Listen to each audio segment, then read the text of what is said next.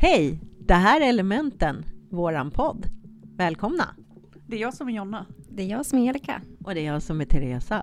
Idag så ska vi snacka om astrologi och det kommer vara vårt första avsnitt om det. Ja, för det blir flera astrologiavsnitt. Ja, jag tänkte bara berätta lite allmänt och mycket varför vi har valt att ha det här avsnittet just nu. Det är för att längre fram så kommer vi varje månad ha ett månadshoroskop för alla 12 stjärntecknen. Och det blir lite kort om varje för det är rätt mycket att gå igenom.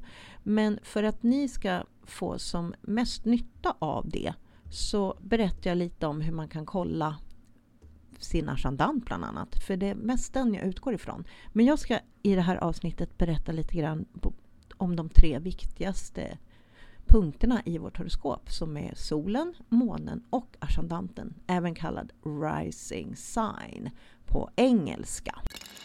Och eh, solen, alltså stjärntecknen som står i veckotidningar och man läser lite lätt, är oftast det vi är vana att prata om. Och det kallas också för soltecken.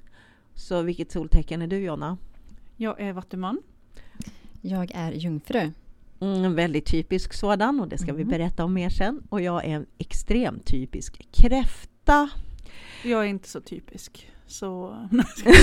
Nej, och det är typiskt en vattuman att säga någonting sånt.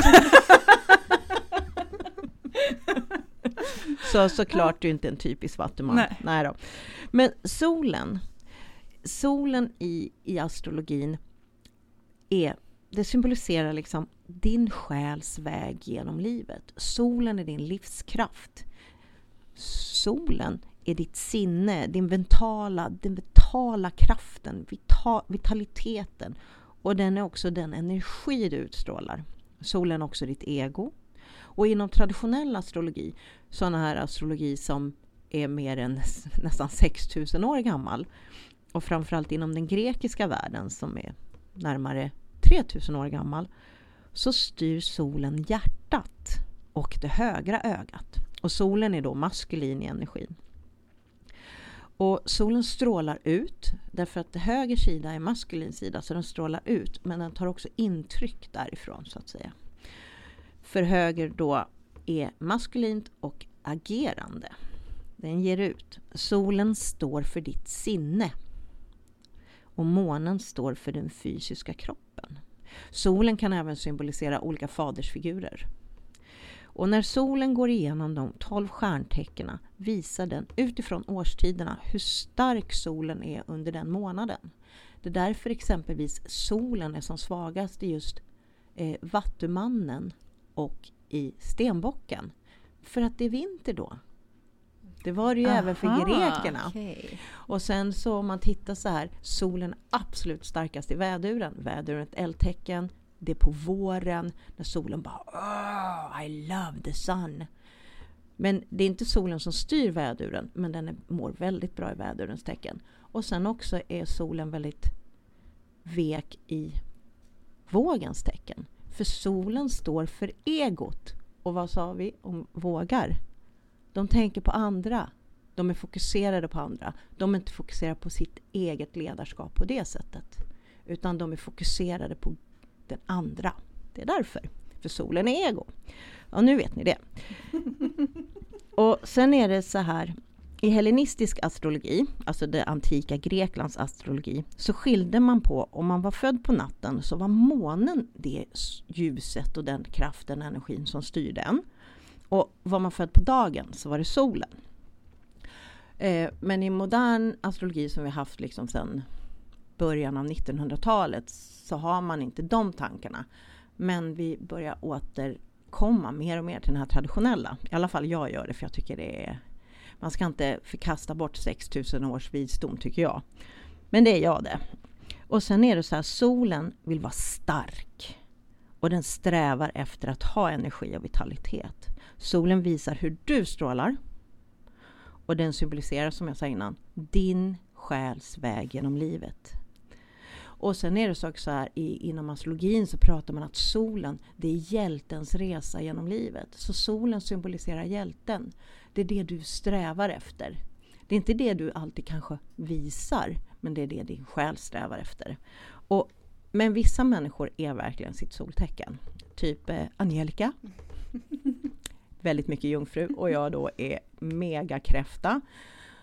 Och ja, jag kommer berätta i andra avsnitt mer exakt om hur stjärntecknen agerar och framsida och baksida. Vi kommer ha långa djupa diskussioner om det. Så den här gången så är det bara lite mera allmänt om de här tre viktiga sakerna. Men vad tycker ni? Hur känner ni er som soltecken? Eller har ni andra frågor vad solen är? Jag tror att Vattumannen för mig eh, var mer tydlig när jag var yngre. Eh, på något vis. Just det här med friheten och jag vet inte hur, hur jag knyter kontakter och, och sådana grejer. Det, jag har ju inte bara kontakter här utan det är ju över hela världen och hela Sverige om man säger så. Så att jag tror att Vattumannen visar sig väldigt mycket där. Ja, och sen också det som är med ditt horoskop Jonna, det är att eh, du när du leder eller är i en grupp, du säger inte jag är ledaren, utan du är väldigt mycket att vi tillsammans. Mm. Det, det, är ingen som ska ha större utrymme. Och det som jag också märker med dig som är väldigt luftstyrd överlag, vi kommer gå in lite mer på det sen, eh, det är ju det att du tar ju inte åt dig om jag säger någonting så här, nej men jag tror på det här och du bara, ah, ja bra för dig. Alltså du dömer ju inte person efter sak. Och det är också ett klassiskt luftelement, att man inte dömer person efter sak. Och sen som, som vattuman så är du verkligen inte så. Och jag kan tänka mig att du blir väldigt irriterad på folk som, ja men jag bestämmer. som bara tar plats och är det värsta egot. Jo men det har jag svårt för. Alltså just det här egoistiska.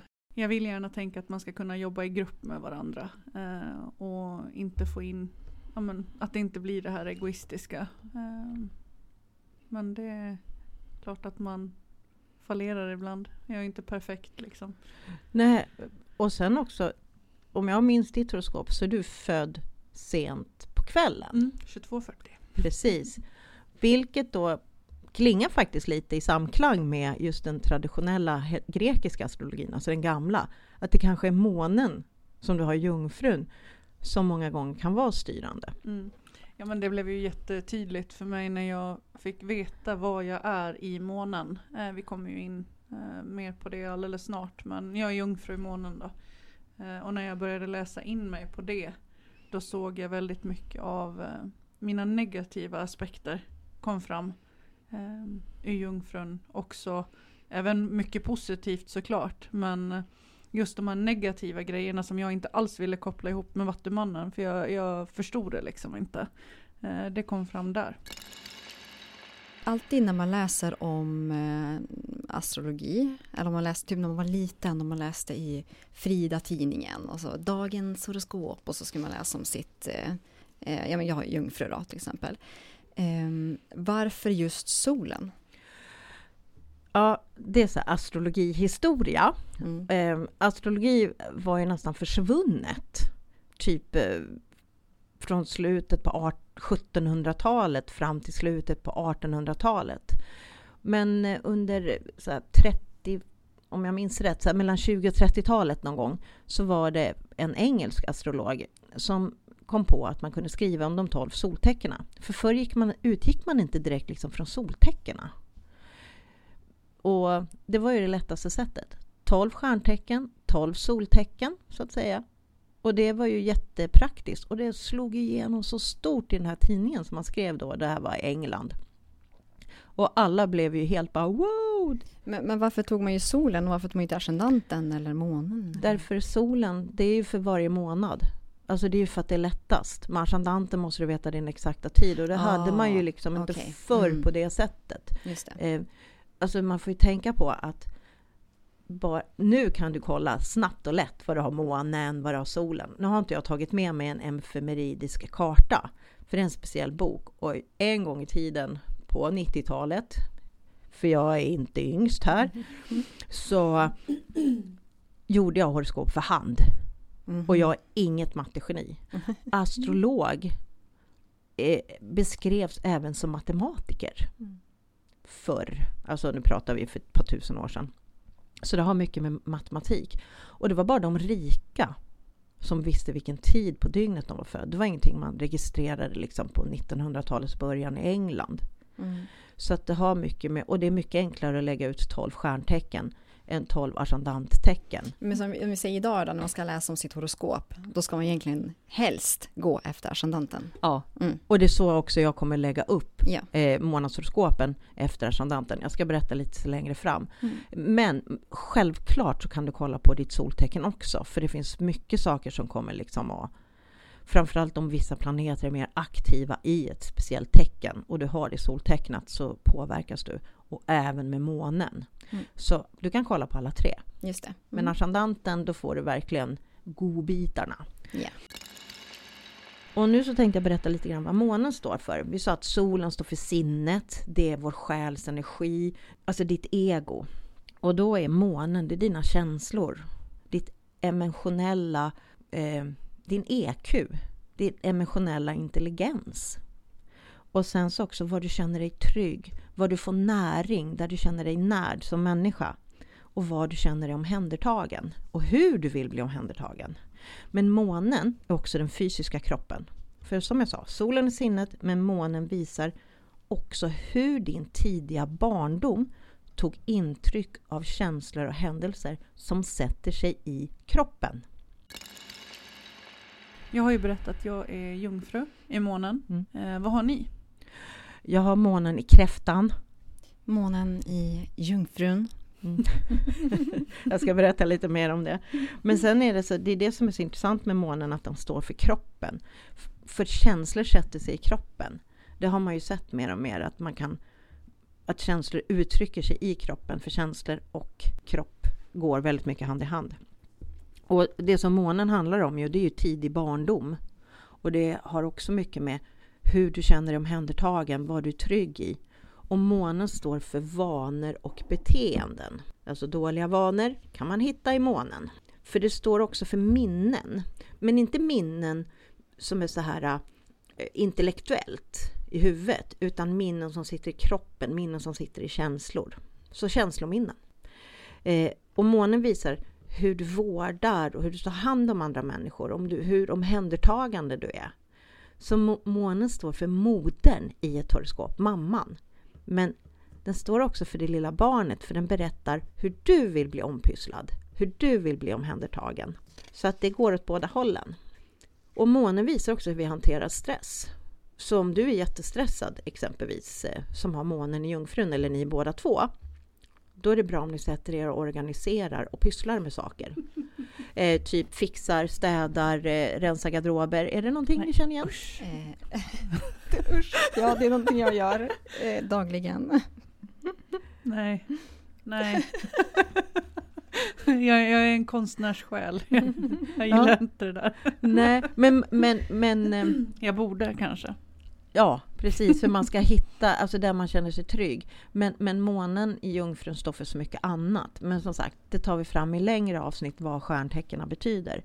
Och sen, när, som jag är månkräfta, Alltså jag vill sitta och drömma vid havet om romantiska saker som får mig trygg. Och jag vill äta någonting gott för, eh, och, och ha det lite mysigt och, och gråta lite eller skratta väldigt mycket. Alltså mycket känslor. Månen står för känslor. Månen är extra glad i kräftan. Då mår han fint. Eller i oxen. Eh, och sen också havet påverkas ju av, av månen och dess cykler. Och det gör vi med. Så känslor går ju upp och ner. Mm. Och beroende på hur din måne mår i ditt horoskop så påverkas ditt känsloliv också. Ja, fler frågor på månen? Nej. Jag tror inte det. Nej. Nej, det är jobbigt att prata känslor, framförallt ja. med... jag skulle kunna älta i känslor, det är favoritämnet för mig. Eh, men mycket shadow work är faktiskt mm. väldigt bra med just månen, mm. i och med att det har med känslor och det djupa Mm. Och det har vi ju erfarenhet av att jag är inte så duktig på shadow work. Så...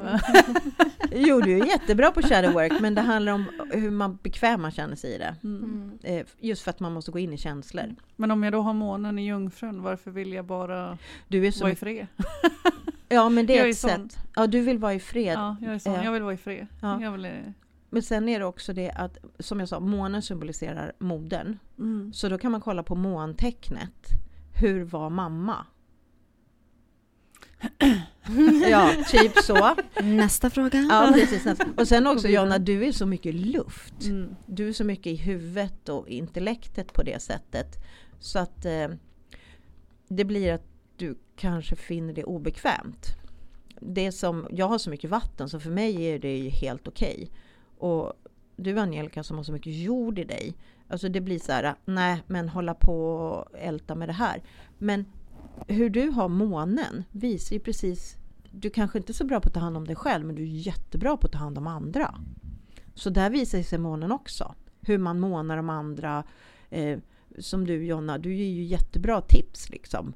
Som är väldigt eh, jungfruaktiga. Ja, men gör lite så här, fixa lite så. Så att du är extremt omhändertagande. Mm. Och det är du också Angelica. Mm. Ni är väldigt bra på att ge service på det sättet. Mm.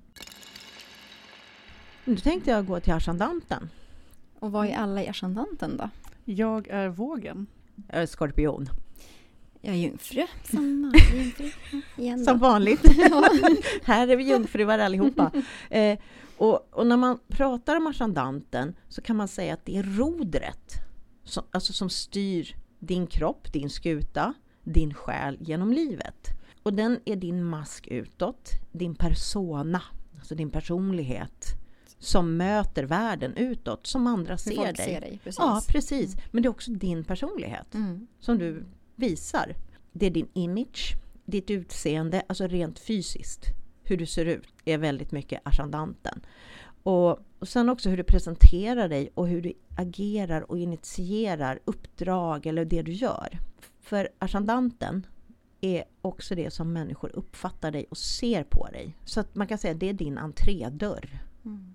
Till dig. Det är dörren ut. Var det du var? Ja. jag är våg. våg. Mm. Och sen så är det som, i och med att den tar oss fram på livets väg.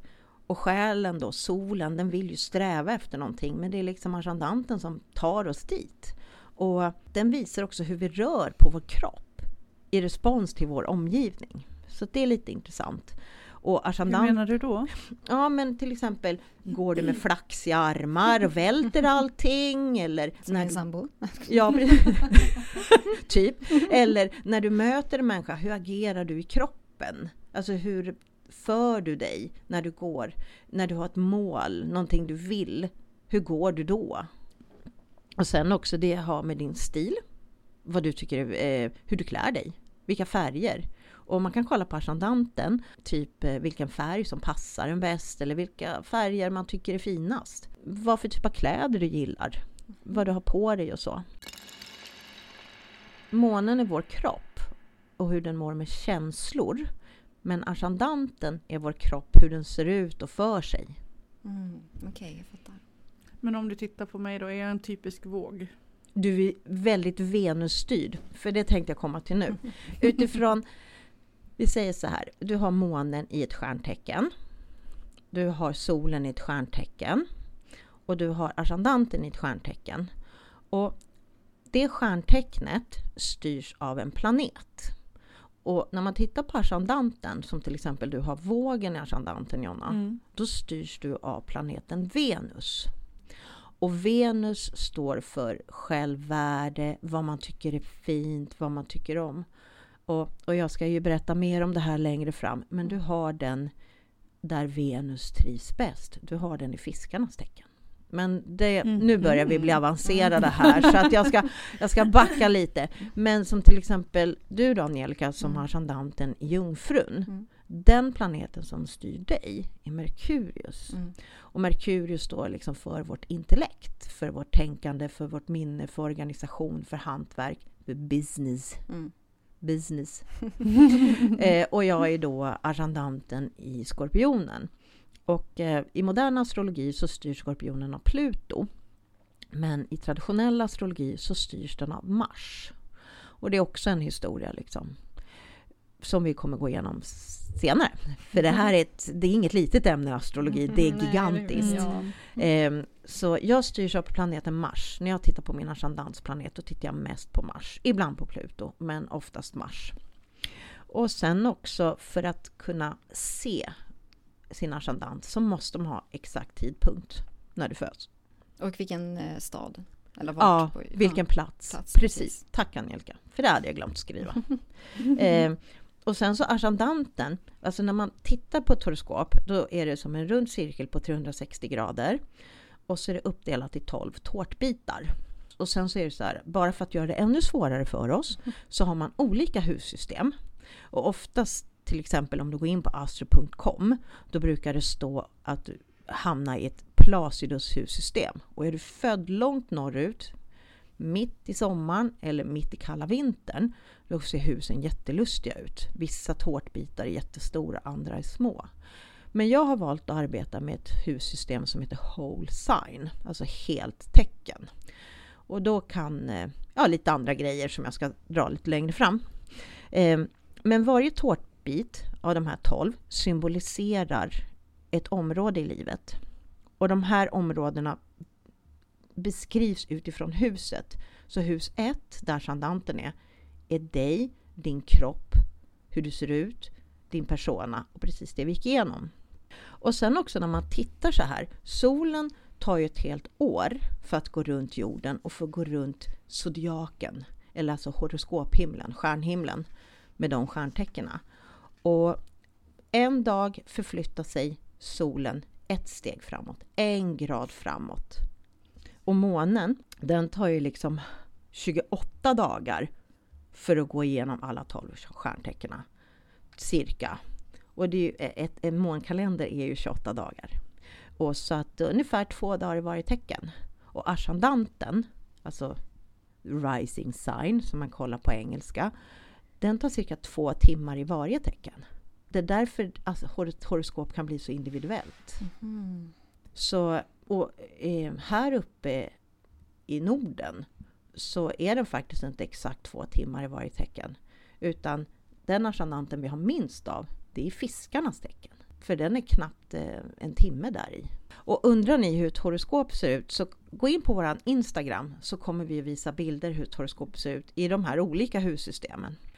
Eh, så tänk er en cirkel. Ett horoskop är en rund cirkel och en cirkel är ju 360 grader. Och de här 12 tårtbitarna är indelade i 30 grader vardera. Just nu så visar Angelica för oss hur ett horoskop ser ut. Så att och, jag och Jonna kan förstå. Ja, precis. Nej, men vi ska visa för att det, det, det är komplicerat. Och ja, det var en bra bild, för just den här uh, horoskopbilden som Angelica visar ja, det, det, är ett annat hussystem, så det tänker jag inte beblanda i. Men så att man kan kolla det. Men vi ska visa på vår Instagram hur mm. ni kan kolla ordentligt.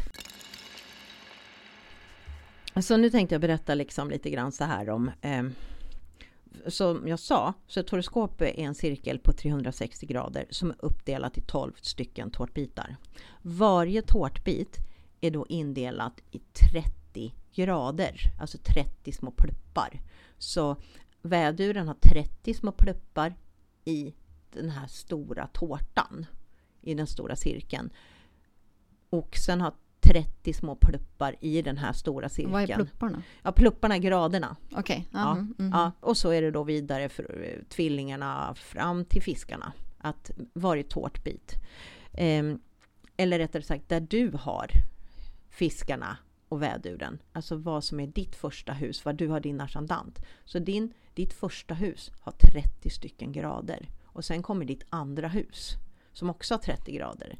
Aha. Och beroende på vad du har din ascendant, så du till exempel Jonna, du har ascendanten i vågen. Mm. Mm. Då är ditt första hus vågens stjärntecken. Men ditt andra hus är i skorpionens stjärntecken. Och ditt tredje hus är i skyttens stjärntecken. Men Angelica som har ascendanten jungfrun, hennes första hus är i jungfruns tecken. Så hennes andra hus blir då i vågens tecken. Ja, så det följer, mm, följer. stjärntecknen alltså i ordning då? Okay, exakt. Okay. Mm. Så varje hus har sitt eget stjärntecken. I modern astrologi så sa man alltid att första huset förknippades med väduren. Men eh, det har släppts. Och jag har gått rätt avancerade astrologiutbildningar internationellt. Och även väldigt kända astrologer för de som är rätt insatt i astrologi. Eh, som eh, Darby Costello, Stephen Forrest och, och eh, även en känd astrolog som heter Robert Hand har lämnat det därför att det stämmer inte. För bara för att du har ascendanten i vågen så säger man ja men du är ju som en vädur i ditt första hus. Du har ingenting med vädur utan du är vågarsandant. Ja, och det är också så här. Det är det jag säger, det här är ett avancerat ämne. Verkligen. Det är ju sjukt intressant. Ja, och det, det är... Alltså man kan säga att astrologi var ju till en början psykologi. Det var ett sätt att förstå människor i, i det gamla, liksom i det antika. Men astrologin kom ju inte fram för att titta på personer. I Mesopotamien, i det sumeriska riket, alltså vi pratar i Babylonien, alltså för 5-6 tusen år sedan. Då användes astrologi för att titta vad som händer i framtiden.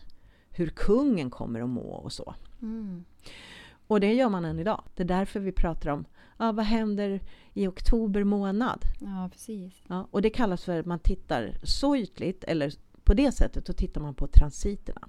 Så ditt horoskop är som ett fast fotografi på stjärnhimlen. Och det är det som ascendanten avger. För det är där solen stiger. Så din ascendant, det är ditt första andetag. Det, det är där du är gryningen, det är där ditt liv börjar. Det är därför det är rodret, det är därför det styr framåt. Så om man tänker så här. Du föddes ett visst ögonblick. Så du är det här fasta fotografiet. Men himlavalvet rör ju sig. Planeterna rör sig hela tiden. Jorden rör sig. Och det är hur planeterna rör sig nu i förhållande till ditt födelsehoroskop. Det är det som kallas för transiter. Och det är det man tittar på för att se vad händer för Jonna i mars månad. Mm. Gud vad intressant. Jätteintressant. Och det som är då, det är att ditt horoskop är inte fixerat. Alltså ditt födelsehoroskopet är, men allting runt omkring rör sig. Och de här gamla babylonierna då för 6000 år sedan, de tittade på planeterna. När ska kungen avrättas? Eh, när blir det krig? Då tittar de ju och samlade information om hur såg det ut på himlavalvet. Och planet betyder en stjärna som rör sig på eh, antik grekiska. Mm. Det är det planeter betyder. Och det gör jag nu med. Det är det jag gör när vi gör våra månadshoroskop. Och det är därför det är enklast att utgå från husen. För husen står för områden i livet. Okay. Så när jag säger att ni ska kolla först på er ascendant och utgå ifrån den när ni tittar på, hör på månadshoroskopet. Då är det så när jag säger ja, månadens horoskop för vågen då är det det jag ska lyssna på. Precis. Mm -hmm. Eller du Angelica, du ska lyssna på Jungfrun. Mm. Men som sagt, som jag sa innan, du kan utgå ifrån ditt soltecken också. För det kan vara väldigt mycket planeter som aktiverar just det stjärntecknet den månaden. Som till exempel nu så är det väldigt mycket häftiga grejer som händer för oxen. Okay. Men det går vi närmare om sen. Och nu ska jag berätta lite grann då om husen, hur de är uppbyggda. Så första huset där din ascendant är, det är ju, det är ju dig som beskrivs, ditt jag, din persona och det vi har gått igenom. Men andra huset, det står för dina pengar, tillgångar, din inkomst, vad du äger, men också hur du spenderar. Det visar din attityd till dina tillgångar. Och inom psykologisk astrologi så symboliserar det även delvis hur vi känner oss värdefulla utifrån våra tillgångar. Vad vi tycker att vi är värda helt enkelt. Och tillgångar är ju inte bara pengar utan inom modern astrologi så är tillgångar även dina kunskaper som kan generera pengar. Om vi säger så här, ehm, du som då är vågarsandant, då är ditt andra hus i skorpionens tecken. Så och vad säger det om mig? Ja, det, det, det, det, det, det får vi ta längre fram. Eller rättare sagt, då, får du göra, då gör vi ett personligt horoskop mm. på dig, för det säger mer. För eh, ja, man kan faktiskt titta utifrån vilket, hur ditt andra hus är och det handlar just om inkomst och pengar. Då kan man kolla i ett horoskop vad, hur, när du kan tjäna pengar bäst. Mm. Gud vad spännande. Och det gör man utifrån bland annat transiter då, för det finns flera tekniker att kolla hur, eh, vad som ligger framför en så att säga. Och många gånger kan man använda den här eh, inom situationstecken framtidshoroskop och se okej, okay, när ska jag lägga in extra gas och en högre växel på exempelvis karriär, relationer, pengar, inkomst och så vidare. Och sen också när du tittar på ditt horoskop, så det som är lite kul, det är att husen går mot sols. Nej, husen går med sols, men planeterna går mot sols. Så du har första huset där och sen så andra huset där och tredje huset. Nu ser ju inte ni för ni hör bara oss. Men tänk er att första huset och sen när du tittar på andra huset, då går det så att säga neråt. Så det blir mot klockan blir mm. det ja. ja mm. Medan planeterna går med klockan. Så ascendanten, det är din gryning. Men eh, den går så att säga mot sols. Mm. Men själva solen går ju med ur. Så att ditt andra hus, om vi utgår ifrån solen, inte från ascendant utan från hur mm. planeterna rör sig. Och solen är ju en stjärna och månen är månen, det vet vi. Men för att underlätta det så säger vi planeter. Då blir tolfte huset precis tiden efter när solen har gått upp, alltså i gryningen. Ja. Och jag kommer till det. Mm. Men om vi säger så här, andra huset, det är dina tillgångar, dina pengar, din inkomst, alltså vad du har i slantar på bankboken, rent praktiskt. Och tredje huset, det står för syskon, grannskapet, korta resor, så dagliga resor till och från jobbet eller när man åker och hälsar på släktingarna i Nordmaling eller någon annanstans i Sverige. Ingenting utomlands. Men det är också sådana här äh, dagliga resor till och från skolan om man har skolskjuts. Men tredje huset står också för skolan och då är det från förskola upp till gymnasiet ungefär. Den utbildningsnivån. Och tredje huset står för kommunikation och att lära sig. Alltså grundnivåerna att lära sig, hur man lär sig.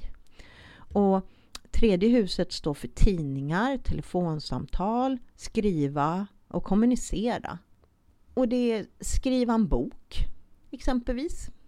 Um, och sen så inom den traditionella astrologin, som är flera tusen år gammal, så var det här också gudinnans hus. Därför att det har med små dagliga ritualer att göra. Så om man vill helga liksom sin lilla dagliga verksamhet så kan man göra en ritual. Då hyllar man inom situationstecken gudinnan för det är hennes favorithus. Och det kan vara så enkelt som att när du tar bort sminket på kvällen, det är att du gör som lite noggrannare, smörjer in dig och lägger en intention. Eller när du står och diskar, att det blir din meditativa stund. För det är dagliga små ritualer.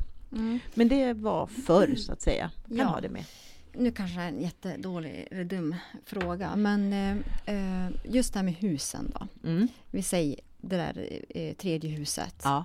Varför vill man veta tredje huset? Alltså, jag har ju skorpionen i tredje huset. Ja. Vad säger det mig? Alltså, ja, jag förstår precis vad ja. du menar. Då kan man säga så här att tredje huset, det, hur är du med dina grannar? Det är skorpionens tecken.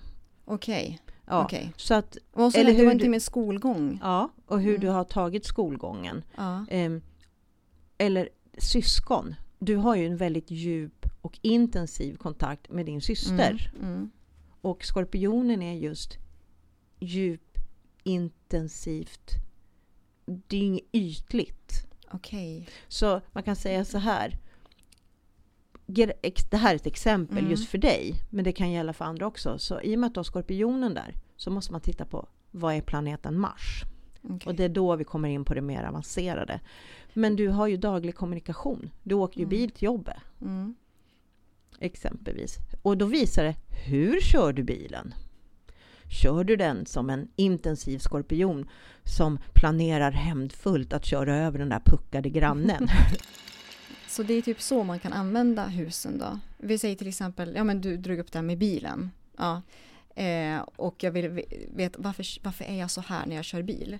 Då kan man gå i tredje huset för det är där med bland annat det handlar om och då säger man, åh oh, jag är skorpionen där. Ja. Och då kan man tänka Skorpionen befinner sig, alltså eh, stjärntecknet Skorpionen styr ditt tredje hus mm. kan man säga. Okay. Och då tittar mm. man vilken planet det är som styr mest. Mm. Och det vet du utifrån stjärntecknet. Just det. Okay. Och, och, det blir, det, jag kan inte gå in mera på det för det blir för avancerat mm, mm. och vi kommer ju... Jag, jag vill bara ta reda på varför ja, husen är så viktiga och så. Ja, mm. och sen så också eh, tredje huset står ju också för grannar. Vad du har för typ av grannar. Hur du kommunicerar. Och när jag pratar med dig, du är ju sällan ytlig. Mm. Även om det kanske är vardagliga saker så har du ett djup i det du diskuterar om. Mm. Och du kan vara säkert rätt intensiv när du gör dagliga ritualer. Du städar, jädrar vad du gnor.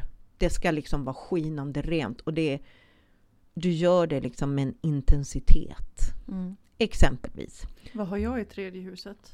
Ska vi se här, du har vågen och sen så har du skorpionen. Du har skytten i tredje huset. Jolly good, det är jultomtens hus. eh, då skulle man ytligt kunna säga att eh, du är glad och trevlig mot dina grannar och de tycker oj, hon är mycket, men gud vad härlig hon är. Exempelvis. Eller när du kommunicerar så låter du med vardaglig kommunikation så låter du väldigt glad och positiv. Så då skulle jag kunna säga det då. Om jag, om jag typ träffar Jonna för första gången så är hon så jätteglad och positiv. Eller hon är min granne, jätteglad och positiv. Så skulle jag kunna tänka så här då. Ja, hon är säkert skytten i tredje huset. Om man är så avancerad. Alltså, eh, nej, nej, utan det som du märker, ja. det är ju ascendanten. Men mm. så som situationen utspelar sig. Mm. Det kan man säga är mer i tredje okay. huset. Ja, så situationerna, eh, du ser ju hennes vågascendant. Ja. Det hon visar till dig är Venus, mm. för det styr vågen. Och det här, bygga broar, ta kontakter. Och det är nära relationer. För det vi ska komma ihåg med ascendanten, det, det är liksom det som är lite närmst. Mm. Alltså det är lite mer privata kontakter. Vi ska komma vidare till vilket som är det sociala huset, hur omgivningen större ser dig. För eh, när man ser mig så tror man oftast att jag är jättesprudlande och varm. Men jag är egentligen extremt privat i och med att jag har ascendanten i skorpionen. Jag släpper inte in hur som helst. Mm. Och jag har resting bitch face. Om man kollar i till exempel men man är med i så grupper och, så, och där de diskuterar ja, men vad är du för stjärntecken? Eller vilket stjärntecken tycker du är mest shady? Eh, eller vem är falsk? Eller vem är narcissist? Eller någonting sånt där. Då är det ofta skorpionen som, jag vet. Ja. Det är så otrevligt. Eller samma sak om stackars jungfruar. Ja, skit. Ja, alltså de får ju alltid skit. Äh, ja. Sådana pedanter, sådana perfektionister, göra, göra. Men det där kommer vi ta upp mer sen när vi går igenom varje äh, stjärntecken. Mm. Medan eh, till exempel Vattumannen, ja ah, men de är så trevliga och altruistiska och idérika och, och udda. Mm.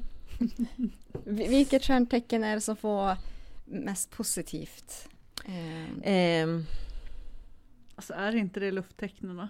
Jo, faktiskt. Ja. Jo. Alltså Vattumannen, Vågen, Tvillingen. Ja. Och det är lite roligt om man, om man lyssnar på vår första, eh, första eh, avsnitt där vi pratar om elementen, när jag går igenom om de här gamla grekerna, när de beskriver eh, de olika elementen som personlighetstyper, så är ju luftens element sanguin. Och sanguin då, på latin, eh, betyder just lättsam och luftig. Mm. Så att, eh, och det är också, sen är det så här att i vårt västerländska samhälle så uppskattar vi ju snarare det som är extrovert och manligt.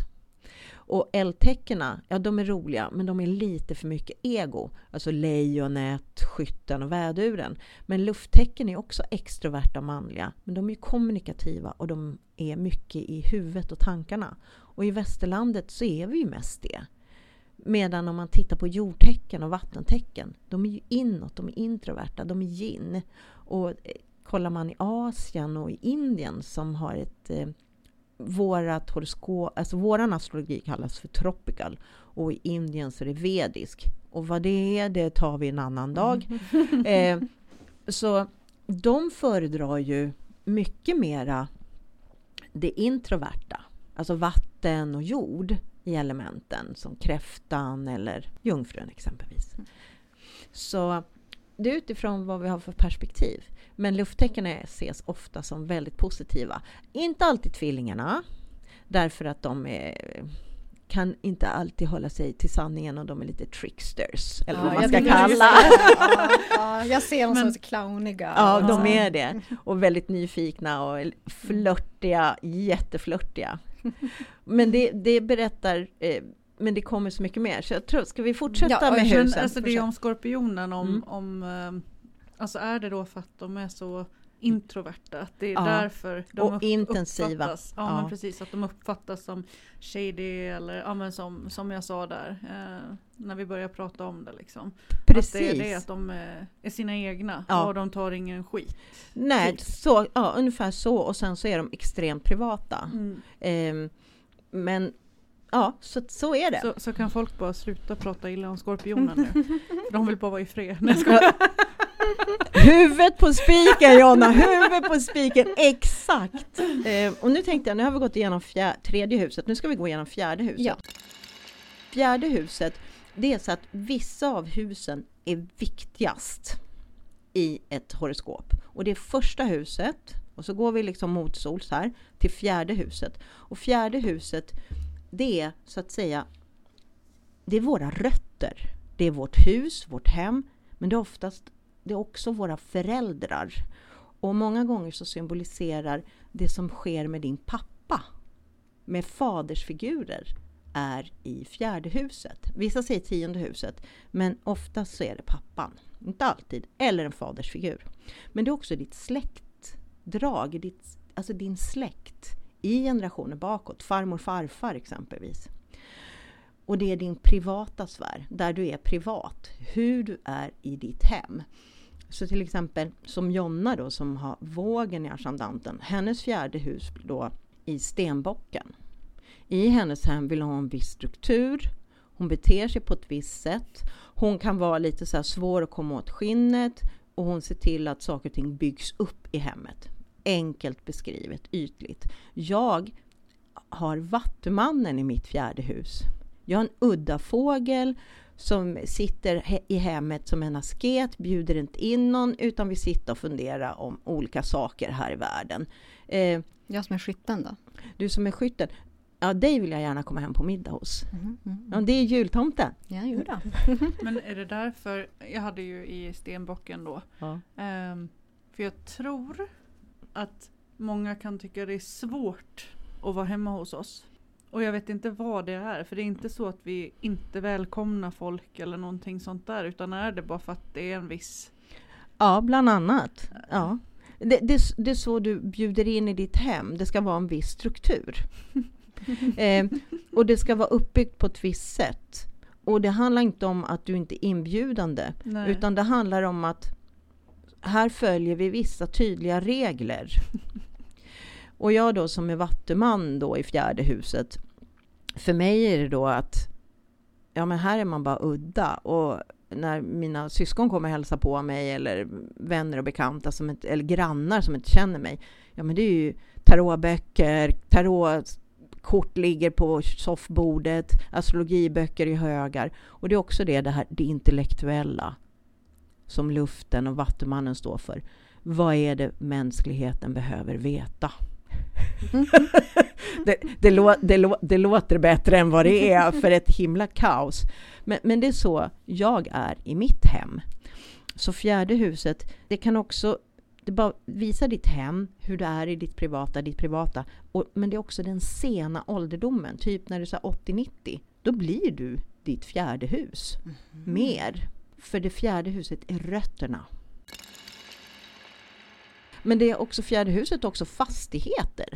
Hushem. Till exempel hur ditt hem ser ut, hur din fastighet ser ut. Äger du fastigheter? Jobbar du med fastigheter? Eller snickeri? Exempelvis. Mm. Och det, det, kan vara en ärvd släktgård eller familjens sommarstuga. Och som sagt, det är släktingarna genom historien. Alltså som du känner till. Typ, men det kan gå långt bak. Det kan vara gammelfarmors eh, farfar exempelvis. Och nu tänkte jag gå till eh, ett väldigt trevligt hus som vi alla uppskattar och det är femte huset.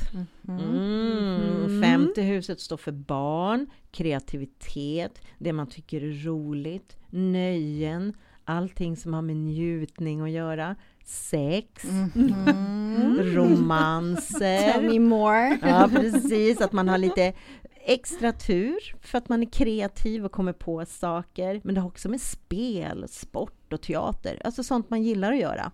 Och femte huset framförallt beskriver väldigt mycket om barn och det man njuter av. Och förr i världen så kallas det också för gudinnan Venus, planeten Venus. Hon älskar femte huset, för hon står där.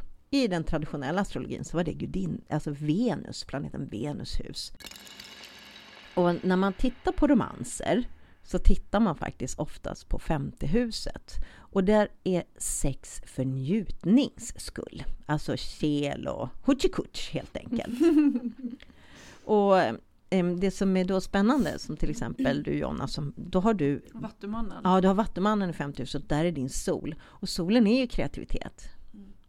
Så att eh, utifrån hur vattumannen, vad vattumannen symboliserar. Var, det här... var du vattuman i femte? Mm. Det är jag med. Nej. Kan jag vara det? Nej, det kan du inte. Du kan inte vara vattumannen. Du måste vara stenbock ju. Om man tittar utifrån helhussystemet eh, så har du stenbocken, precis som du sa Jonna, i femte huset. Och det är ett jordtecken. Det som då är femte huset, så att eh, när du har romanser och sådana saker så har du en viss seriositet i det. Och du är rätt seriös med dina barn. Och när du är kreativ, då har du det här Ja, men det ska inte bara vara kreativt för att det ska vara High Chaparral och roligt, utan det ska göras. Det ska stickas, det ska målas, det ska fixas med det här och det här. Det, det, är liksom inte, nu är vi lekfulla. Det är du när du bjuder hem folk till ditt hem. Då är du glad och rolig och har fest och ni spelar spel och mm. sånt som jag absolut inte skulle göra. Jag slänger fram en tarotlek, lär dig! Låt mig vara!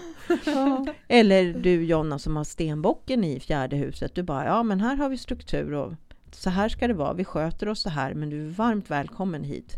Och man vet att man är trygg i ditt hem. Folk känner sig trygga i ditt hem. Stenbocken är ett jordtecken. Mm. Så, och vad har jag? Jag har fiskarna i femte huset. Och som säga, eh, jag drömmer mig om den perfekta romansen. Vilket inte existerar, men man kan ju alltid drömma. Och jag eh, drömmer om kreativa saker jag vill göra. Och jag drömmer bra och länge, får sällan någonting gjort. Det är tur jag har er.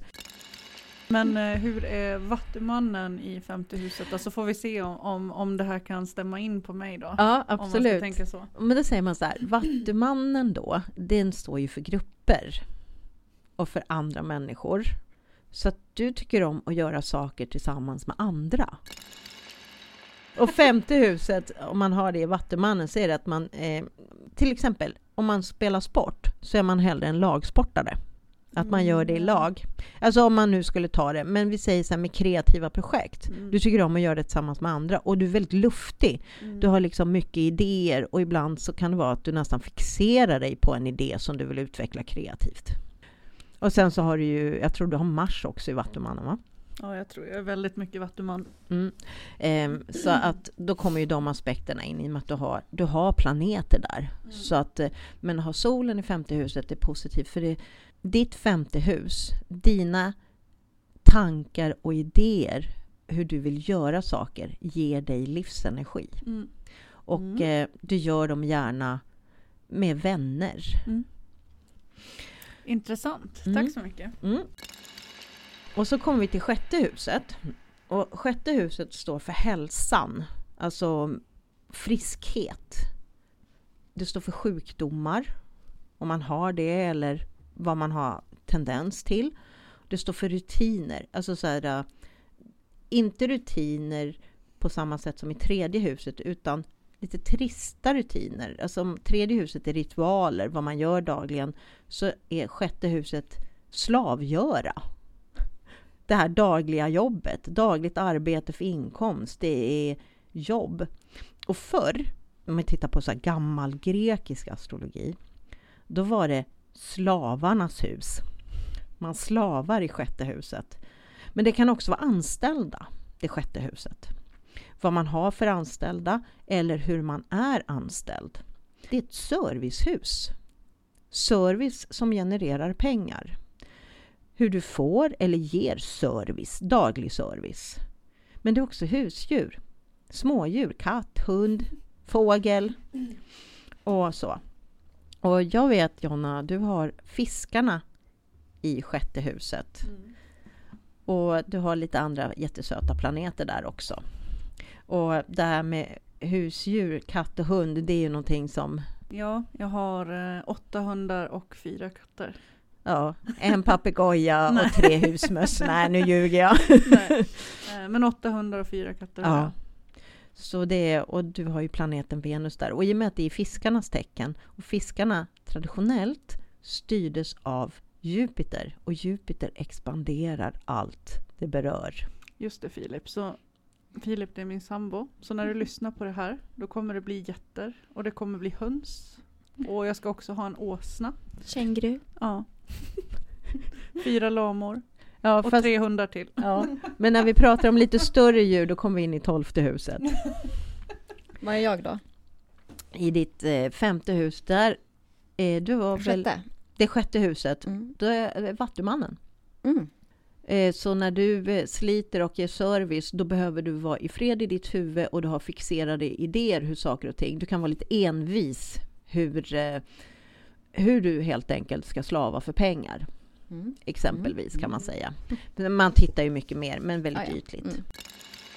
Och så kommer vi till ett av de mest intressanta husen. Ett viktigt hus, precis som första huset är det viktigaste. Fjärde huset är det viktigaste. Nu kommer vi till sjunde huset. Det är alltså motsatsen till det första huset. Det är sjunde huset. Och i och med att första huset är du, då är sjunde huset den andra, eller den andre.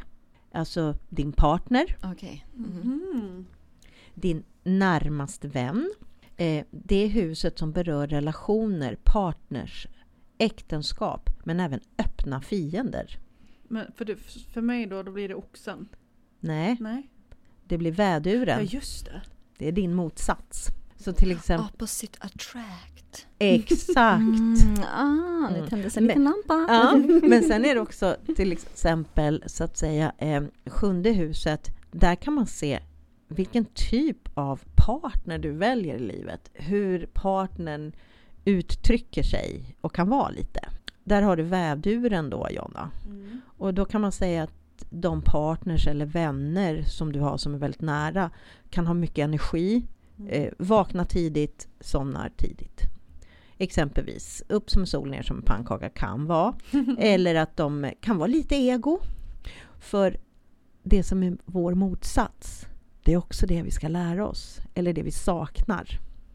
Exempelvis. Och har man många planeter i sjunde huset så kan man vara lite så här, äh, istället för att man söker den energin för att man ger den planetens energi till andra, för att det är den andra.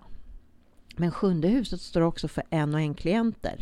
Så exempelvis när ni jobbar eller har samtal eller jobbar med en klient, fixar med fransar eller jag, eller när ni lägger kort till dem eller när jag har vägledning eller horoskop eller en psykolog. Då är det sjunde huset, det är den andra. Så det är klienten, en klient, en partner. Kan jag ha fiskarna i sjunde huset? Jajamän! Förstod jag. Så att det är motsatsens hus. Det är det vi söker hos andra, det vi ger till andra, hur vi är med andra och hur andra är med oss. Och det är också där man har en kontakt. Så att det är nära vännen, nära relationer. Så ja, men det är också öppna fiender. För vad blir man när man skiljer sig? Mm. När partnerskapet bryts. Mm. Det är teorier kring det i alla fall. Och nu kommer vi till åttonde huset. Det är ett tungt hus. Det är skulder, skatt, andras pengar. Alltså det första huset från hus 7. Det är din partners pengar. Det är pengar du får från andra som inte är din penninginkomst. Men det kan vara penninginkomsten beroende på hur ditt företag fungerar som är andras pengar. Men det kan också vara inkomst som du får, pengar du får som inte har med daglig verksamhet, dagligt jobb att göra som bidrag, arv och det åttonde huset står också för döden. Så man kan säga, eh, om man nu är lite tyngre, en släkting till dig går bort. Och då ser du att du får ett arv. Och det kan man då se också med de här transiterna som jag pratade om, hur planeterna rör sig. Eller vad du har för planeter där. Det har också med det okulta att göra. Okej, så då har jag åttonde huset i oxen då. Precis. Eh, och det innebär till exempel att... Det är din partners pengar, din partners jobb. Mhm. Kan det vara. Mm. Och sen så det åttonde huset står för det okulta. Det står för psyket, det djuppsykologiska. Det är det undermedvetna. Och i modern astrologi så pratar man också om sex där. Det är där man förknippar sex. Men sex har ju mycket med det psykologiska att göra i dagens läge. Man kan säga så här att för att kolla mer på ett horoskop vad det betyder för dig att ha eh, oxen i det åttonde huset så då skulle man, din sambo är oxe, han är en stor inkomstbringare till dig, exempelvis. Det behöver inte vara så, men det kan vara så. Han är en stabil inkomstbringare. Men, och sen också, eh, om man tittar i och med att det har med det psykologiska att göra, och det, så då har han kommit in i ditt liv och han har gett dig en värme psykologiskt. Ja, gud ja. Mm, exempelvis. Men i och med att det åttonde huset, det fjärde och åttonde huset är lite så här uh, synska hus. Så åttonde huset, i och med att det står för det okulta och döden, så är det också ett hus som vibrerar med andra sidan. Där spökena bor. Så man kan, säga, kan man säga då att eh, till exempel eh, när jag då tar andekontakt, är det oxen jag jobbar med då? Nej, inte Nej. riktigt så, utan där blir det avancerat igen. Då Ja, måste, ja, Another day. another day. another, another lifetime. Ehm, utan då tittar man på planeten som styr oxen som är Venus och så lite andra saker. ja, såklart. Eh, Men det som är intressant med åttonde huset det är eh, alltså djup psykologi. Det undermedvetna så att säga. Det undermedvetna som du ibland kommer åt. Det är inte helt okänt men, men du behöver gräva lite. Det är detektivernas hus. Och i modern psykologi när man utgick ifrån att första huset var väduren och si och så, då är åttonde huset skorpionens hus. Men som sagt, det har vi släppt. Eller i alla fall de stora astrologerna jag har lärt mig av och jag själv har släppt den traditionen. Men det visar också på skatt och skuld och hur man hanterar ekonomi som handlar om andra. Vad du betalar i skatt, det kan visa sig i oxens hus. Mm. Men hur du får arv, vinst, alltså bidrag tillbaka från skatten. Det, vis, det är också åttonde huset. Och så kommer vi till nionde huset. Och det nionde huset står för resor, högre utbildning som universitet, högskola. Det har med religion, människor från utlandet att göra. Men det är också publicering av exempelvis sin examen eller en bok. Och att skriva i tredje huset. Och mots, alltså det som är motsatt till tredje är nionde huset. Och det har med internationellt, allt som är internationellt, internationella grupper utomlands. Det har med tillit och tro och med andlighet och det gudomliga. I traditionell astrologi så hade det med guden att göra. Så när man tittar på hur man eh, har internationella kontakter eller hur man tittar på det andliga eller religion då är det nionde huset som berättar väldigt mycket. Eller hur du, eh, om du fortsätter studera på universitetet eller hur du tar till dig högre utbildning. För alla behöver inte plugga på universitetet. Man kan ju studera själv eller ha ett intresse som man brinner för. Som är som en högre utbildning.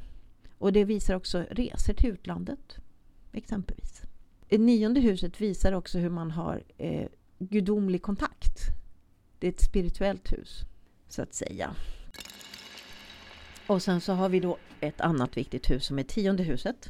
Och det är karriär, profession, det du strävar, det du vill bli känd för. Tionde huset står också för kändisskap. Och varför det här huset är viktigt, det är ju vad du strävar efter. Så första huset, fjärde huset och sjunde huset. Så första huset är du, fjärde huset är dina rötter, sjunde huset är den andra, din partner, den andra. Tionde huset är trädkronan, det som visas utåt i sociala sammanhang, i större grupper. Och fjärde huset är ju motsatsen. Så det är ju rötterna. Så man kan säga att rötterna går ut i förgreningar till tionde huset. Och tionde huset, det är ditt publika jag. Hur du upp, och hur det uppfattas och bedöms. Och det har jag i lejonet, exempelvis. Så alla tycker ju som i större grupper när jag är ute på jobb och inte är privat, utan man har liksom sitt sociala jag, utåt-jaget. Då tycker alla att jag är så här, åh vad roligt, du är så härlig och varm och ska alltid stå i centrum. och det har jag i lejonet då. Men vad är jag då mm, Det har du i tvillingarna. Och hur är jag då? Mm. Eh, du är nyfiken, social, folk ser dig som eh, sprallig, vill veta mycket om allt. Bland annat eh, nyfiken. Mm. Alltså väldigt mycket nyfiken. Vill gärna prova på saker och är lite som en fjäril från en blomma till blomma när det gäller spännande och intressanta saker. Och du är mm. kommunikativ. Människor uppfattar dig som kommunikativ. Och nu pratar vi inte eh, så att säga när du är en och en, utan när du är i större sammanhang. Ja, precis. Exakt. Eh, till exempel som människor ser det på stan eller så här. Mm. Eh, och sen så kommer vi... Kräftan har jag i. Ja, det har du. Precis. Folk ser dig som väldigt omhändertagande, att du är omtänksam. Att eh, ja, men Jonna hon är snäll hon. hon. Hon tar hand om folk. Man skulle säga att du skulle nog uppfattas som känslig men har nära till skratt likväl som du har nära till gråt. Alltså att det finns något känsligt. Och man kan säga tionde huset är också viktigt för det är det som man strävar efter. För det är inte bara karriär. Men just själva tionde huset, i och med att jag använder det här hussystemet, hela, eh, whole sign eller hela tecken. Eh, det finns lite andra sådana hus. Det är ett gammalt hussystem. Så visar det mycket på det. Men man brukar säga att man har MC i tionde huset. Men alla stjärntecken har inte MC i tionde huset. Utan eh, beroende på var du är född, och är du född tidigt på morgonen en vinter, då kanske du har ingenting där. Men det är fortfarande hur du uppfattas socialt. Det är fortfarande karriärshus. Men MCn är vad du strävar efter här i livet. Och så går vi vidare till elfte huset som är ett hus med vänner och vänskap. Alltså, alltså kompisar. Och det är också föreningar, grupper och större gemenskaper. De vi delar åsikter och värderingar med. Men det är också ett hus med hopp och önskningar, god tro och lycka. När vi strävar efter någonting i tionde huset och kämpar för det, karriären, då får vi flyt i elfte huset, för vi träffar rätt folk exempelvis. Och det är lite roligt Jonna, för jag vet att du har eh, i elfte huset har du lejonet, så mm. det är mm. motsats till ditt tionde hus. Och där mm. har du Jupiter som expansionen. Så om man ytligt skulle säga, när du jobbar med dina kompisar eller gör roliga saker, då får du, det är som att ditt hopp och dina önskningar slår igenom på ett annat sätt. Mm. Och du har många vänner, du sa ju det, du har ju massor med internationella kontakter mm. och vänner över hela världen. Alltså, du har mycket vänner, du har lätt att vara i grupper och folk... Alltså du blir glad.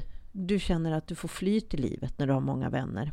Och du gör gärna saker med dina vänner. Mm. Just för att det är motsats till femte huset. Och i grupper så får du en ledaregenskap just för att du expanderar vänskapskretsen. Och så går vi då till sista huset, det tolfte huset. Det är det omedvetna, det okända, det fängelser, det dolda, det kloster, mentalsjukhus. Och det är också självuppoffring.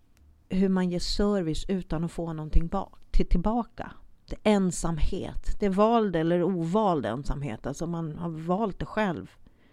Det är din skuggsida som varken du, som inte du ser, men andra kan se. Men det är tidigare liv. Det är högre guider, det är änglar. Det är också en helgedom eller en fristad. Men det är också det huset som är självförstörelse. Alltså omedveten självförstörelse. Exempelvis tolfte huset brukar symbolisera, eller brukar vara om man har benägenhet att kanske använda missbrukspreparat. Kan det visa sig. I och med att det är ett självförstörelsehus. Men det kan också vara så att du jobbar med de människorna som har den tendensen. det är det huset när man gör charity works, vad heter det på svenska? Eh, välgörenhetsarbete. Därför att det är ju en service du inte förväntar dig någonting tillbaks. Mm. Mm. Och tolfte huset och åttonde huset och nionde huset är väldigt andliga hus. Eh, har man mycket planeter där så kan det så att säga visa hur enkelt förklarat om man har de här speciella mer andliga förmågorna. Men det är mycket, mycket mer än så. Men det är ett enkelt sätt att se, så att säga. Ett sätt att se. Och som jag berättade, MC är den punkten som är högst upp. Den kallas även för midheaven på engelska. Och IC är, den punkten som är längst ner.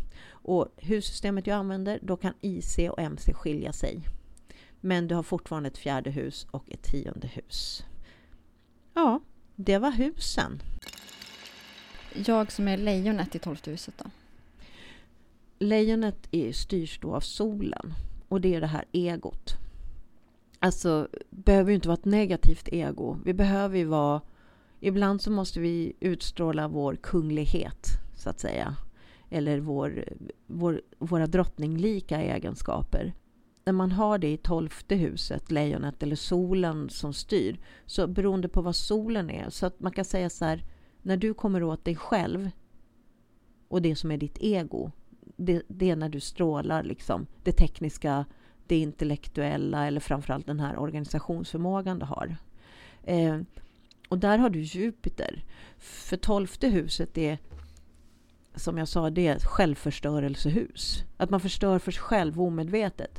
Men att ha Jupiter där, och Jupiter är ju en lyckoplanet, det är ju det gudomligas hus. Så många gånger så kanske du har varit på väg att förstöra för dig själv. Men då är det som att du har gudomligt beskydd. Ja, ja det har du sagt till mig ja. tidigare. Just det. Men det är också ett väldigt andligt hus i och med att det är det okända. Det är tidigare liv. Det är, det är så att säga där vi får information som vi inte vet.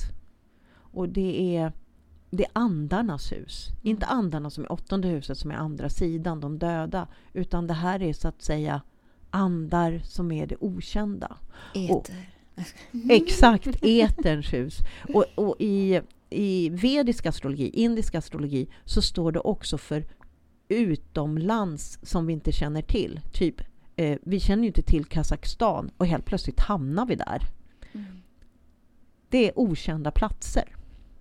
Men det är också sanctuary, alltså helgade platser där du får lugn och ro, där du drar dig tillbaks. Så om jag skulle rekommendera dig så skulle jag säga så här, ja, men för att hitta solen inom dig, för att liksom vara för att du ska stråla i ditt ego för att förstå vem du är och inte vara så bara ge och ge. Då skulle jag rekommendera dig att gå till en helgad plats som betyder någonting för dig. Där du har solen värmer dig och du får sitta och tänka eller bygga små kottgubbar för du gör någonting med händerna. Mm, Exempelvis mm. så skulle jag kunna säga. Mm, just det. Och jag känner att um, det tolfte huset, då har jag det i Jungfrun. Eh, och det förklarar väldigt mycket för mig just när det gäller min andlighet känner jag. Ja, och dessutom har du månen där. Mm. Så ja, det är klart du har svårt att komma åt dina känslor. För det är i det okända huset. Andra ser dina känslor. För det tolfte huset, andra kan se de här sakerna. Shit. Men månen står ju för intuitionen. Mm. Och sen så månen också mentalsjukhus, eh, så att säga folk som är alltså, antingen är mentalt sjuka eller att man jobbar med mentalt sjuka personer kan det visa sig i. Och jag har då mitt andra hus i vågen.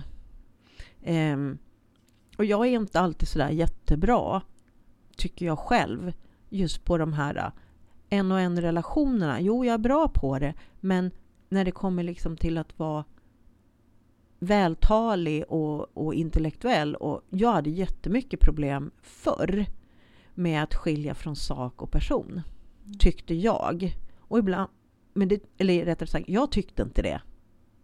Men andra såg det. Jag är inte alltid så diplomatisk. Ja, det var om eh, astrologi. Och som sagt, vi kommer ju då att lägga ut bilder hur horoskopen ser ut på vår Instagram.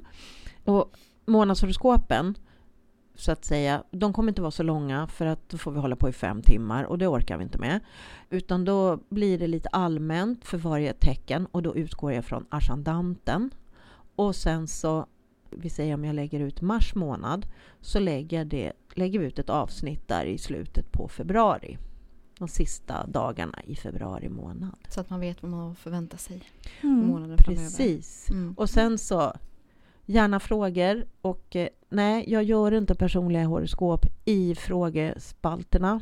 För mm. det, det, alltså ett horoskop, det kostar, men det tar tid. Ja, mm. om ni vill veta mer om ert egna horoskop, allt från eh, måntecknet, ascendant, eh, husen och allt det där, så kan ni antingen komma in till oss eh, här i butiken när Teresa är här, Fabriksgatan 21 i Örnsköldsvik. Yes. Eh, eller så kan de väl kanske höra av sig till dig eh, och få, alltså de får köpa ett. Ja, man, man bokar en tid, ja, man exakt. får en vägledning. Och ja. när jag gör det hemifrån så brukar jag spela in och eh, antingen via, använder mig via Zoom eller Google Meet.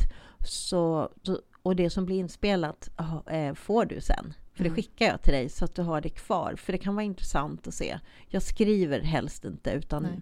jag, eh, det gör jag också. För det tar ungefär, ibland kan det ta upp till två timmar att gå mm. igenom allting mm. eh, i ett personligt horoskop. Så att det är mycket arbete innan. Och det gäller bokad tid. Ja, så att jag har precis. lite, och som vi sa innan, alla detaljer. Tid, plats, år, månad, dag. Mm, det behövs. Eh, och ni hittar oss på Instagram, Elementen Podcast, Facebook, Elementen, TikTok, Elementen Podcast. Um, ni kan mejla oss. Ja, elementenpodcast.gmail.com.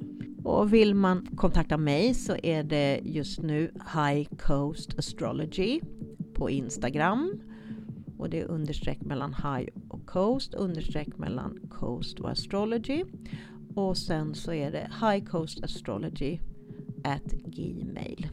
Och hemsida och sånt kommer sen. Ja, och jag mm. lägger all sån här information i eh, avsnittets information. Mm. Och skicka gärna frågor som fler har nytta av så mm. tar vi upp dem längre fram mm. i flera avsnitt som är då speciellt så avsnitt astrologi 2 mm. exempelvis. Ja. Precis. Det var allt för idag. Ja. Tack så jättemycket för att ni har lyssnat. Ja, tack så mycket. Tack ska ni ha. Hej då! Hej då!